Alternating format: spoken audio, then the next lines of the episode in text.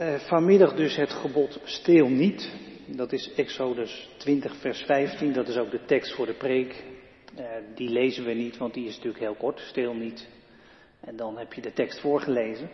En wat we wel lezen, dat is een, een stukje uit de uitwerking van de tien geboden. Uh, je weet misschien, de tien geboden wordt opgeschreven, is opgeschreven in het Bijbelboek Deuteronomium. Dat, daar is wat uitwerking te vinden, dat zal ik in de preek nog, uh, nog eventjes aanhalen.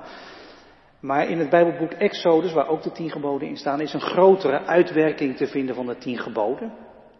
En we lezen daar een stukje uit dat specifiek gaat over niet stelen. Exodus 21 vanaf vers 37. En daarnaast lezen we uit Lucas 19 over Zacchaeus. Exodus 21 vanaf vers 37. Wanneer iemand een rund steelt, of een schaap of geit, en hij slacht of verkoopt het dier, dan moet hij het vergoeden. Een rund met vijf runderen en een schaap of geit met vier schapen of geiten. Betrapt iemand de dief op heterdaad en slaat hij hem dood, dan laat hij daarmee geen bloedschuld op zich. Gebeurt dit echter na zonsopgang, dan laat hij wel bloedschuld op zich. De dief moet alles vergoeden. Bezit hij niets, dan moet men hem verkopen voor een bedrag ter waarde van het gestolene. Als het gestolen dier nog levend bij hem wordt aangetroffen, moet hij het dubbel vergoeden, of het nu een rund betreft, een ezel, een schaap of een geit. Wanneer iemand zijn vee loslaat om een stuk land of een wijngaard te begrazen en zijn dieren grazen de akker van een ander af, dan moet hij de schade met de beste opbrengst van zijn land of wijngaard vergoeden. Wanneer iemand iets verbrandt en het vuur overslaat op de doornstruiken, waardoor korenschoven of een akker met het staande koren in vlammen opgaan, moet de veroorzaker van de brand de schade vergoeden. Wanneer iemand geld of sieraden aan een ander in bewaring geeft, en dit wordt uit het huis van die ander gestolen, moet de dief als hij gepakt wordt een dubbele vergoeding geven. Als de dief niet gevonden wordt, moet de eigenaar van het huis in het heiligdom zweren dat hij zich niet aan de bezittingen van die ander heeft vergrepen. Bij elk vermoeden van verduistering, of het nu een rund betreft, een ezel of een schaap of een geit, kledingstuk, of welk zoekgeraakt voorwerp ook, waarvan iemand beweert dat het zijn eigendom is, moeten beide partijen hun zaak aan God voorleggen. Degene die door God schuldig verklaard wordt, moet de ander een dubbele vergoeding geven. Tot zover de lezing uit Exodus. Lucas 19 vanaf vers 1. Jezus ging Jericho in en trok door de stad. Er was daar een man die Zacchaeus heette, een rijke hoofdtollenaar. Hij wilde Jezus zien om te weten te komen wat voor iemand het was. Maar dat lukte hem niet vanwege de menigte, want hij was klein van stuk. Daarom liep hij snel vooruit en klom in een vijgenboom om Jezus te kunnen zien wanneer hij voorbij kwam. Toen Jezus daar langskwam, keek hij naar boven en zei, Zacchaeus, kom vlug naar beneden, want vandaag moet ik in jouw huis verblijven. Zacchaeus kwam meteen naar beneden en ontving Jezus vol vreugde bij zich thuis. Alle die dit zagen, zeiden morrend tegen elkaar, hij is het huis van een zondig mens binnengegaan om onderdak te vinden voor de nacht. Maar Zacchaeus was gaan staan en zei tegen de Heer, Kijk heer, de helft van mijn bezittingen geef ik aan de armen en als ik iemand iets heb afgeperst, vergoed ik het viervoudig. En Jezus zei tegen hem, vandaag is in dit huis redding ten deel gevallen, is dit huis redding ten deel gevallen, want ook hij is een zoon van Abraham.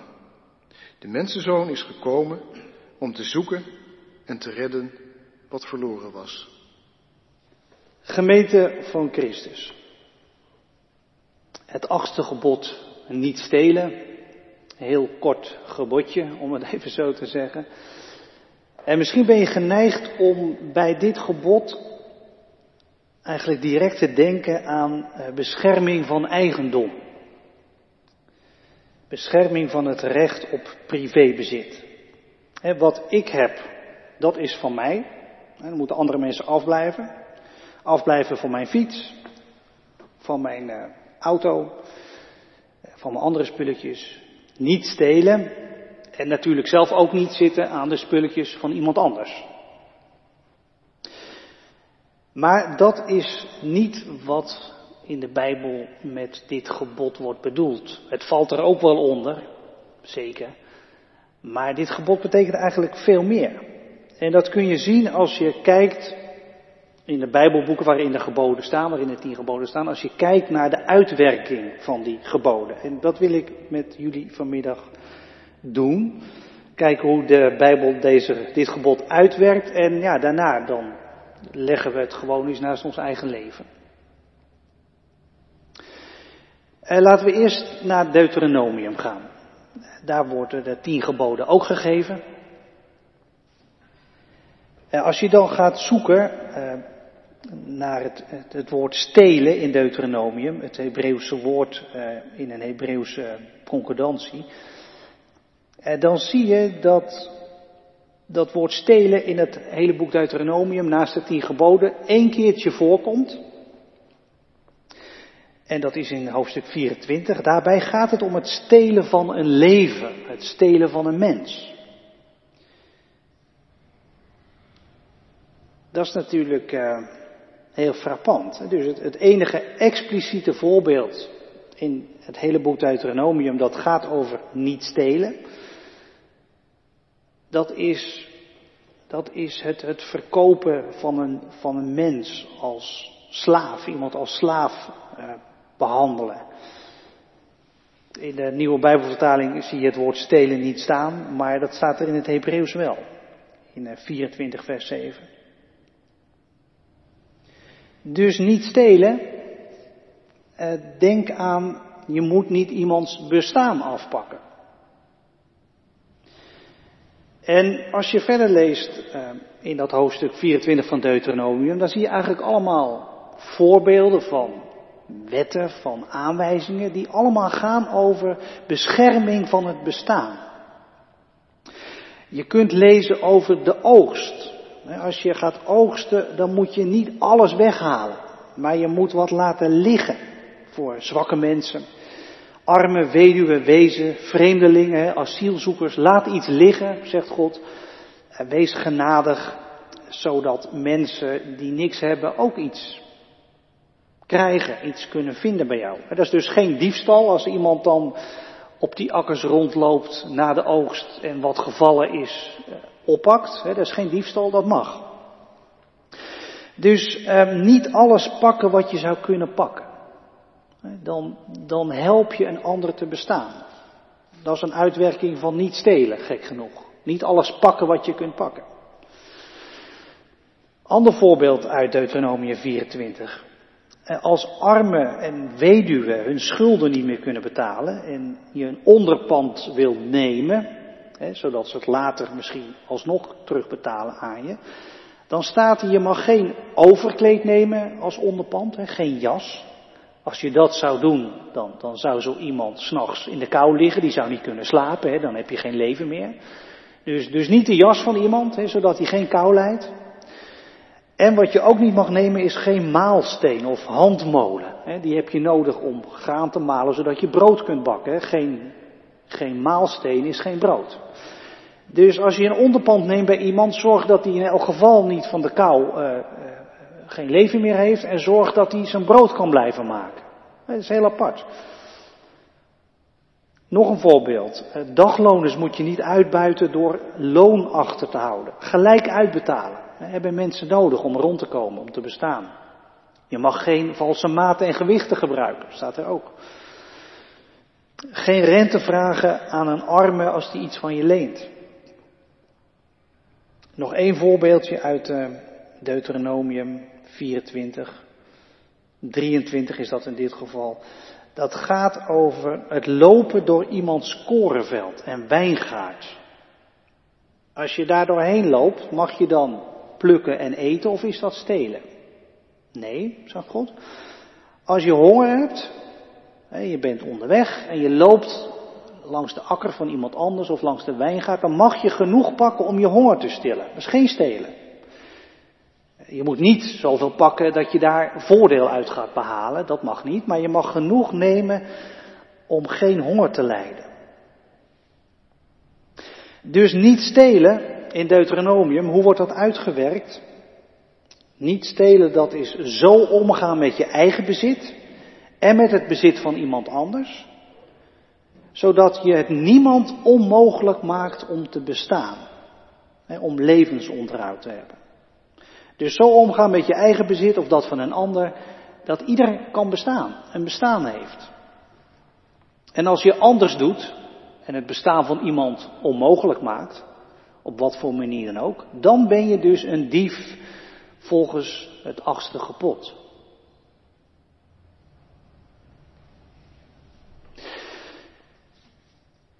Nou, dat even over Deuteronomium, de setting van Deuteronomium bij het achtste gebod. Als we naar het boek Exodus gaan, waar dus ook de tien geboden staan in hoofdstuk 20, en kijken naar hoe daar niet stelen wordt uitgewerkt, dan, dan zie je eigenlijk hetzelfde. Het woord stelen komt veel vaker voor in Exodus. Eh, de eerste keer nadat het achtste gebod heeft geklonken, komt het voor in hoofdstuk 21, vers 16. In de MBV staat daar dat je niemand mag ontvoeren, maar in het Hebreeuws staat daar weer stelen. Je mag niet iemands leven stelen door iemand te ontvoeren en te verkopen of weet ik wat. Hetzelfde als in Deuteronomium, niet iemands bestaan stelen. Ja, en dan verder, eh, dat hebben we gelezen, wat heeft eh, Arjan zo net voorgelezen. Als er staat wat voor voorbeelden er worden genoemd van niet stelen, dan staat er dat je geen dieren mag stelen, geen graanvelden mag beschadigen, geen kleding mag stelen. Ehm, het gaat ook nog één keer over sieraden en geld. Maar dan gaat het niet om, om bling bling of zo. Dan moet je eerder denken aan, aan iemand zijn spaarpotje, zijn pensioen. Als iemand dat jou in bewaring geeft, dan mag je dat ook niet stelen. Het zijn allemaal dingen die je nodig hebt om van te bestaan.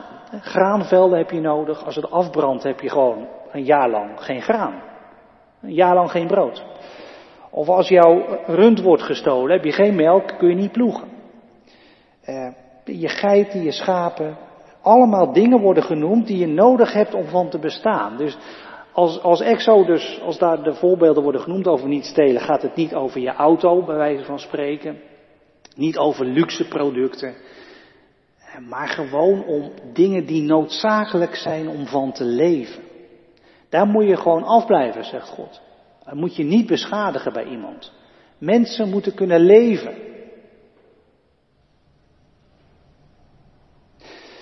Dus, eh, dat staat niet in Exodus, maar dat is wel een, een goede samenvatting, denk ik. Als iemand honger heeft en een brood meeneemt bij de bakker, dan is zo iemand minder een dief dan degene die zorgt of die de ander dat levenshoud ontzegt. Iemand die zorgt dat een ander honger heeft, is meer een dief dan iemand met honger die een brood meeneemt bij de Albert Heijn. Dat moet je niet doen natuurlijk, dat, laat dat duidelijk zijn. Maar volgens de uitwerking van het gebod niet stelen ben je veel meer een dief als jij ervoor zorgt dat een ander honger heeft. Nou, ik denk dat dat wel duidelijk is inmiddels dat, dat dit dus niet gaat over de bescherming van privébezit. En, en al helemaal niet, niet in de eerste plaats in elk geval. En al helemaal niet over, over de bescherming van, van luxigheidjes.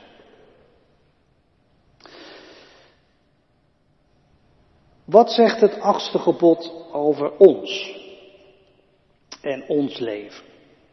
Als wij daar de komende tijd eh, is expliciet iets mee willen doen, wat, wat, wat moeten we ermee? Uh, de kans is niet heel groot dat, dat hier nou heel veel mensen zitten of dat er thuis heel veel mensen meekijken die nou vreselijk bij diefstal betrokken zullen zijn. Je hebt vast allemaal wel zo'n snoepje gepikt, maar ik weet niet of er iemand is hier eh, die handelt in gestolen fietsen. Even een hand opsteken. Niemand. Nee, dat, dat soort dingen, dat, dat zullen wij misschien niet zo snel doen. inbrekers. Geen inbrekers. Maar het zou wel heel goed zo kunnen zijn dat onze manier van leven, onze levensstijl, heel veel lijkt op al die gevallen in het Oude Testament, die direct of indirect worden veroordeeld door het achtste gebod.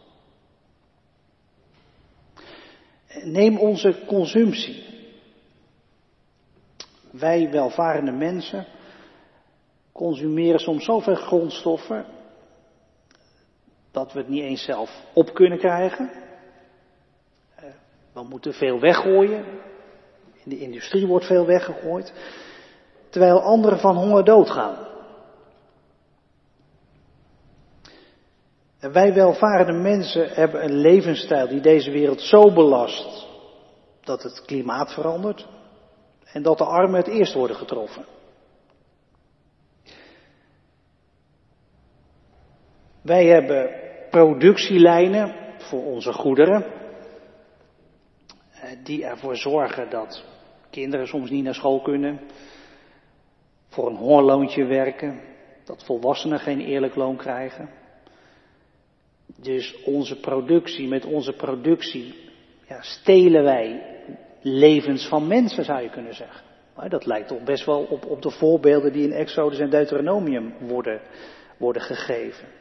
Dus met elkaar leven wij in een soort systeem, houden wij een systeem in stand waar we niet feitelijk mee stelen. En het zal vast ook allemaal wel legaal zijn, meestal. Soms ook niet misschien, maar goed, laten we daar nog van uitgaan. We stelen niet direct, eh, maar, maar de mensen die de gevolgen ondervinden van onze manier van leven, die worden er niet beter van. Daar gaat het bestaan van achteruit, of ze hebben geen eens een bestaan.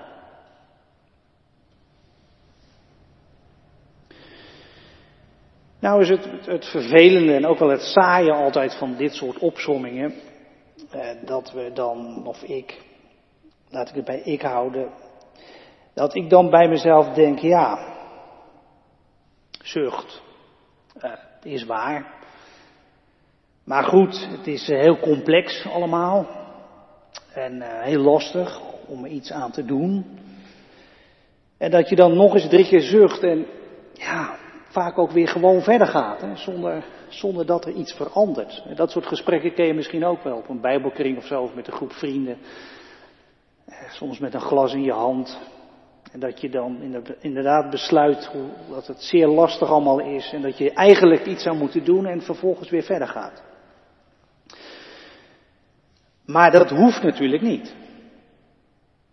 Dat je altijd de, conclusie op die manier trekt. Dat je na de zucht niets doet. Sterker nog, het, het kan ook niet.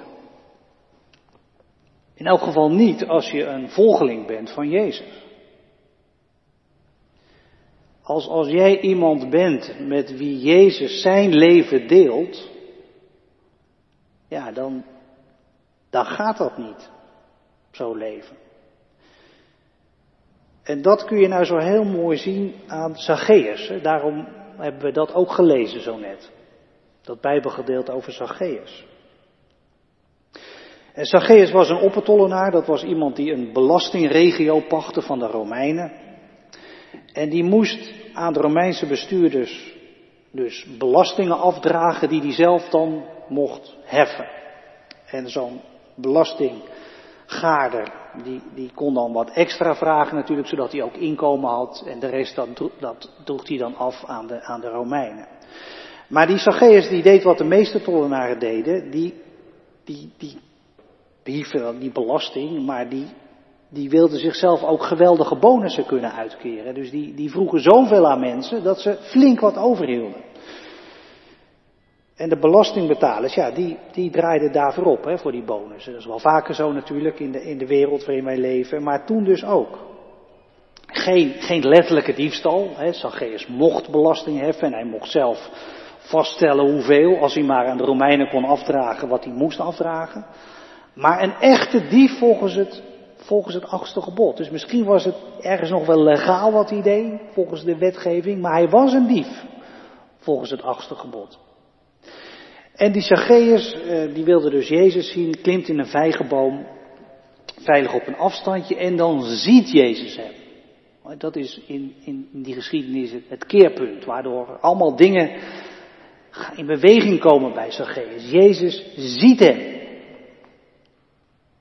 Ja, en Zacchaeus, die, die weet zich gezien en die is verkocht. Dan neemt zijn leven een wending. Jezus gaat met hem mee naar huis. Ehm, hij zit bij Jezus aan tafel. En Zacchaeus is zo geraakt door, door Jezus die hem heeft gezien en die met hem zijn leven wil delen.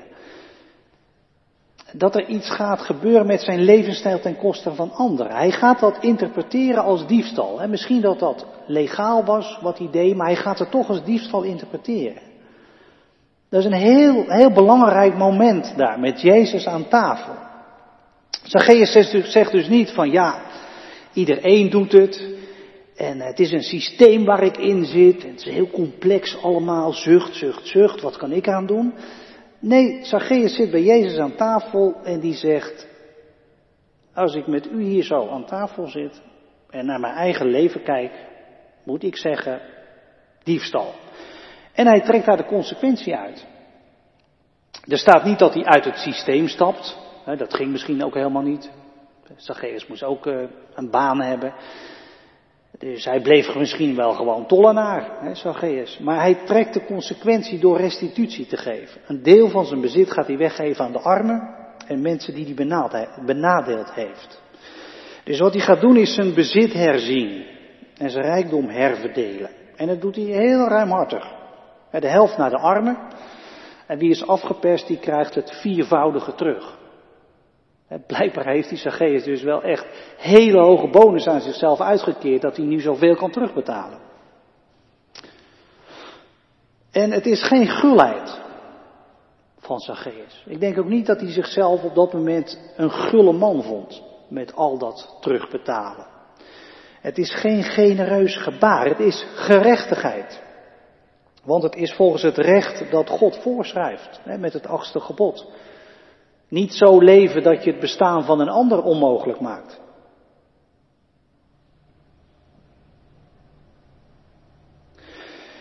Tussen de vijgenbladeren zat Zacchaeus. En tussen de vijgenbladeren zitten wij soms ook, jij en ik. Omdat je ook wel eens een beetje op veilige afstand van Jezus wilt zitten. Omdat Jezus wel bij je binnen kan komen. Letterlijk, maar vooral ook figuurlijk. Daar heb je ook niet altijd zin in, zit je misschien niet altijd op te wachten. Je zit achter de vijgenbladeren, misschien ook de vijgenbladeren van je nette uiterlijk. Van buiten ziet ook niemand in jou en mij een tollenaar zitten. Maar dan komt Jezus. Vandaag komt Jezus langs bij jou en hij ziet je zitten. En hij kijkt door de vijgenbladeren heen. En dat is vervelend.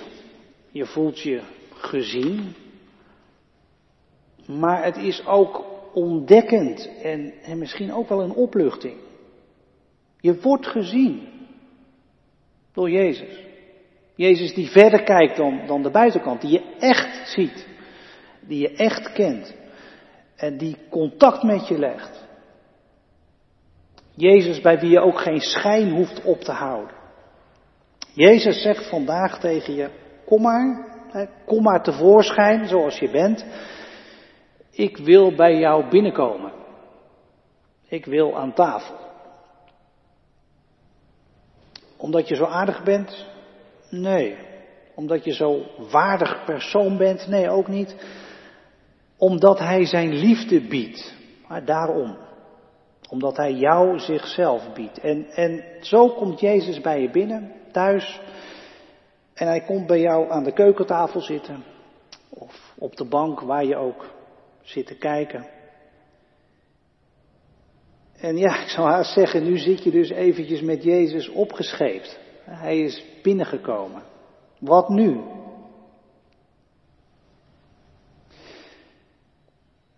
Wat er gebeurt als Jezus binnenkomt, dat is eigenlijk altijd hetzelfde. In die zin, het heeft altijd dezelfde volgorde.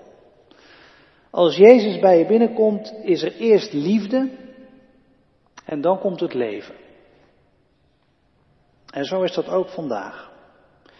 Jezus komt bij je binnen, hij ziet je, hij wil je leven delen. Sterker nog, hij wil jou van zijn leven laten delen door het je te geven. En hij zegt vandaag tegen je, ik geef je nieuw bestaan. Hij vergeeft het oude van je oude bestaan. Je krijgt van Jezus een nieuw bestaan. Dat eerst. En dat kun je ook bij je binnen laten komen. Dat is iets om te beseffen. Dat dat gebeurt als Jezus langskomt bij jou. Binnenkomt. Vandaag. Eerst de liefde van Jezus. En daarna komt het leven. En de vraag hoe jij met het geschenk van Jezus van een nieuw bestaan omgaat. Hoe je verder gaat. En hoe je vervolgens omgaat met het bestaan van de ander, de mensen om je heen.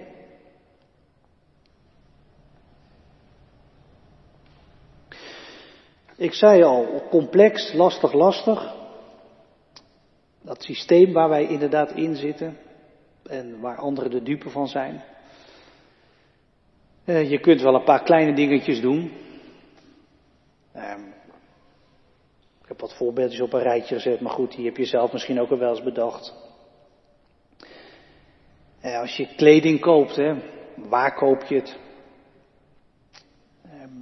Wat voor kledingproducenten, hoe eerlijk zijn ze? Dat geldt trouwens voor alles wat je koopt. Dat is natuurlijk wel het mooie van deze tijd. Steeds meer bedrijven en productielijnen krijgen ook labels voor duurzaamheid. Hoe ze met grondstoffen omgaan, hoe ze met mensen omgaan.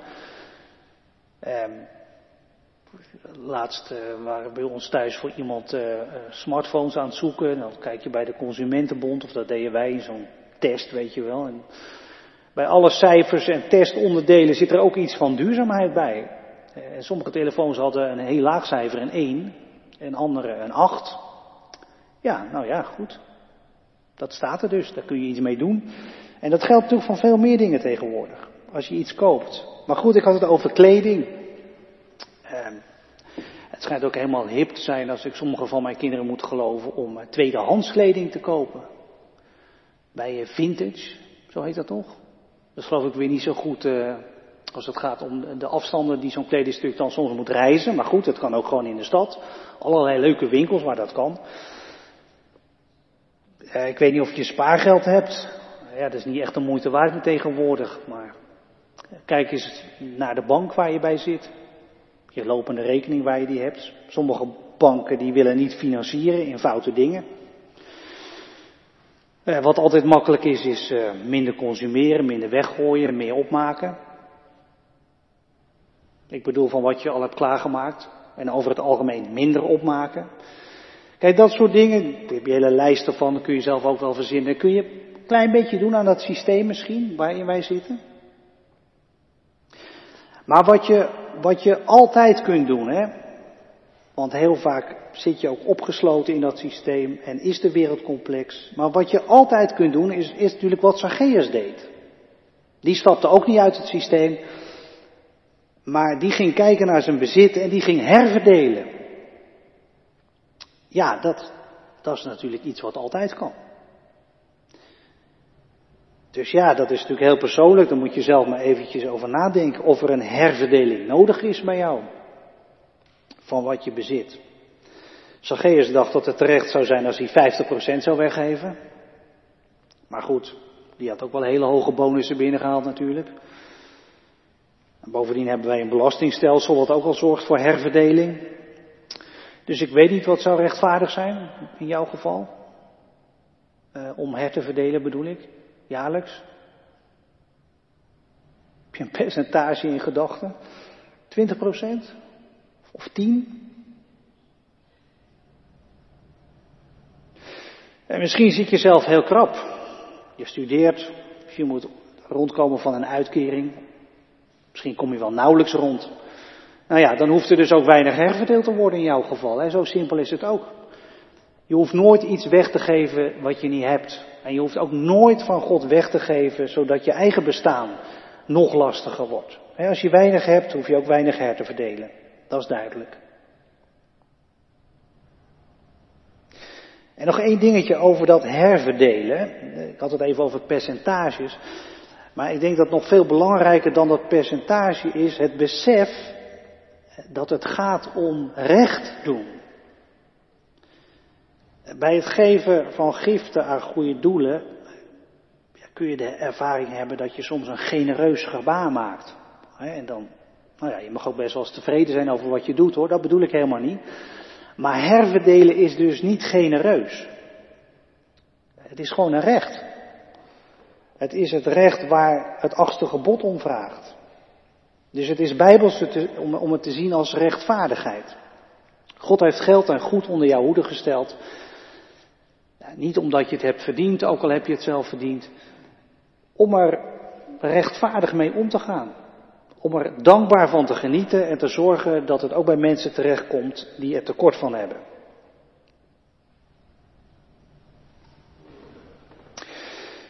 Zacchaeus zat bij Jezus aan tafel. Het was voor hem ook confronterend dat Jezus langskwam en gewoon binnenkeek. En dat Jezus al die bonussen zag. Dat Jezus in zijn bankafschriften keek. Of ze in elk geval zag. Maar, maar Zacchaeus is toch vooral geraakt. Hij was echt geraakt door Jezus. En Zacchaeus trekt zijn conclusies. En dan zegt Jezus over Zacchaeus, vandaag is aan dit huis redding ten deel gevallen. Hoe blijkt of iemand is gered? Nou ja, je zou kunnen zeggen dat blijkt uit haar of zijn liefde voor Jezus, liefde voor God. En het blijkt uit de manier van leven die daaruit voortvloeit. Dus ook uit je omgang met je bezit kan blijken of je een gered mens bent, gered door Jezus. Gered van je hebzucht, gered van je bezitterigheid, gered van je zonde, gered en deel geworden van Gods nieuwe wereld. Gered. Vandaag schuift Jezus bij ons aan en wij trekken onze conclusies. En Jezus zegt vandaag tegen je, aan deze mens is vandaag redding ten deel gevallen. Amen. Fout gelopen zijn. Wij bidden u voor ieder die in bestaansproblemen gekomen is. Geef dat ze gulle mensen ontmoeten. Wilt u ons ook gebruiken, Heere God, om mensen te helpen bij bestaan? Breng mensen op ons pad waarmee wij kunnen delen. Heere God, wij bidden u voor ieder van ons. Ga met ons mee de zondag straks uit en de week in. U weet wat er op ons programma staat, wat er in onze agenda staat. U weet waar we tegenop zien of waar we naar uitkijken. Ga met ons mee. In het licht, in het donker. Blijf bij ons, levende. Want het wordt avond en de dag zal ten einde lopen. U die weet wat deze dag waard was, wat wij hebben gedaan en nagelaten. U die weet wat wij te vergeven hebben en wat ons vergeven moet worden. U die de vruchten kent van de oogst die deze dag in ons is gegroeid. Laat uw zegen dalen op ons. U die weet wat goed was deze dag, de vrijheid waarin we mochten leven, het voedsel dat we mochten ontvangen. de dingen die we mochten doen, de rust waarvan we mochten genieten, de mensen met wie we hebben geleefd. U die weet wat in ons is, wij prijzen u licht in ons leven. Blijf bij ons en bij alle mensen. Blijf bij ons op de avond van de dag, op de avond van het leven, op de avond van de wereld. Van u is het licht van de dag, van u is het donker van de nacht. Van u zijn leven en dood. Van u zijn wij. Blijf ons nabij en behoed ons. In Jezus' naam. Amen.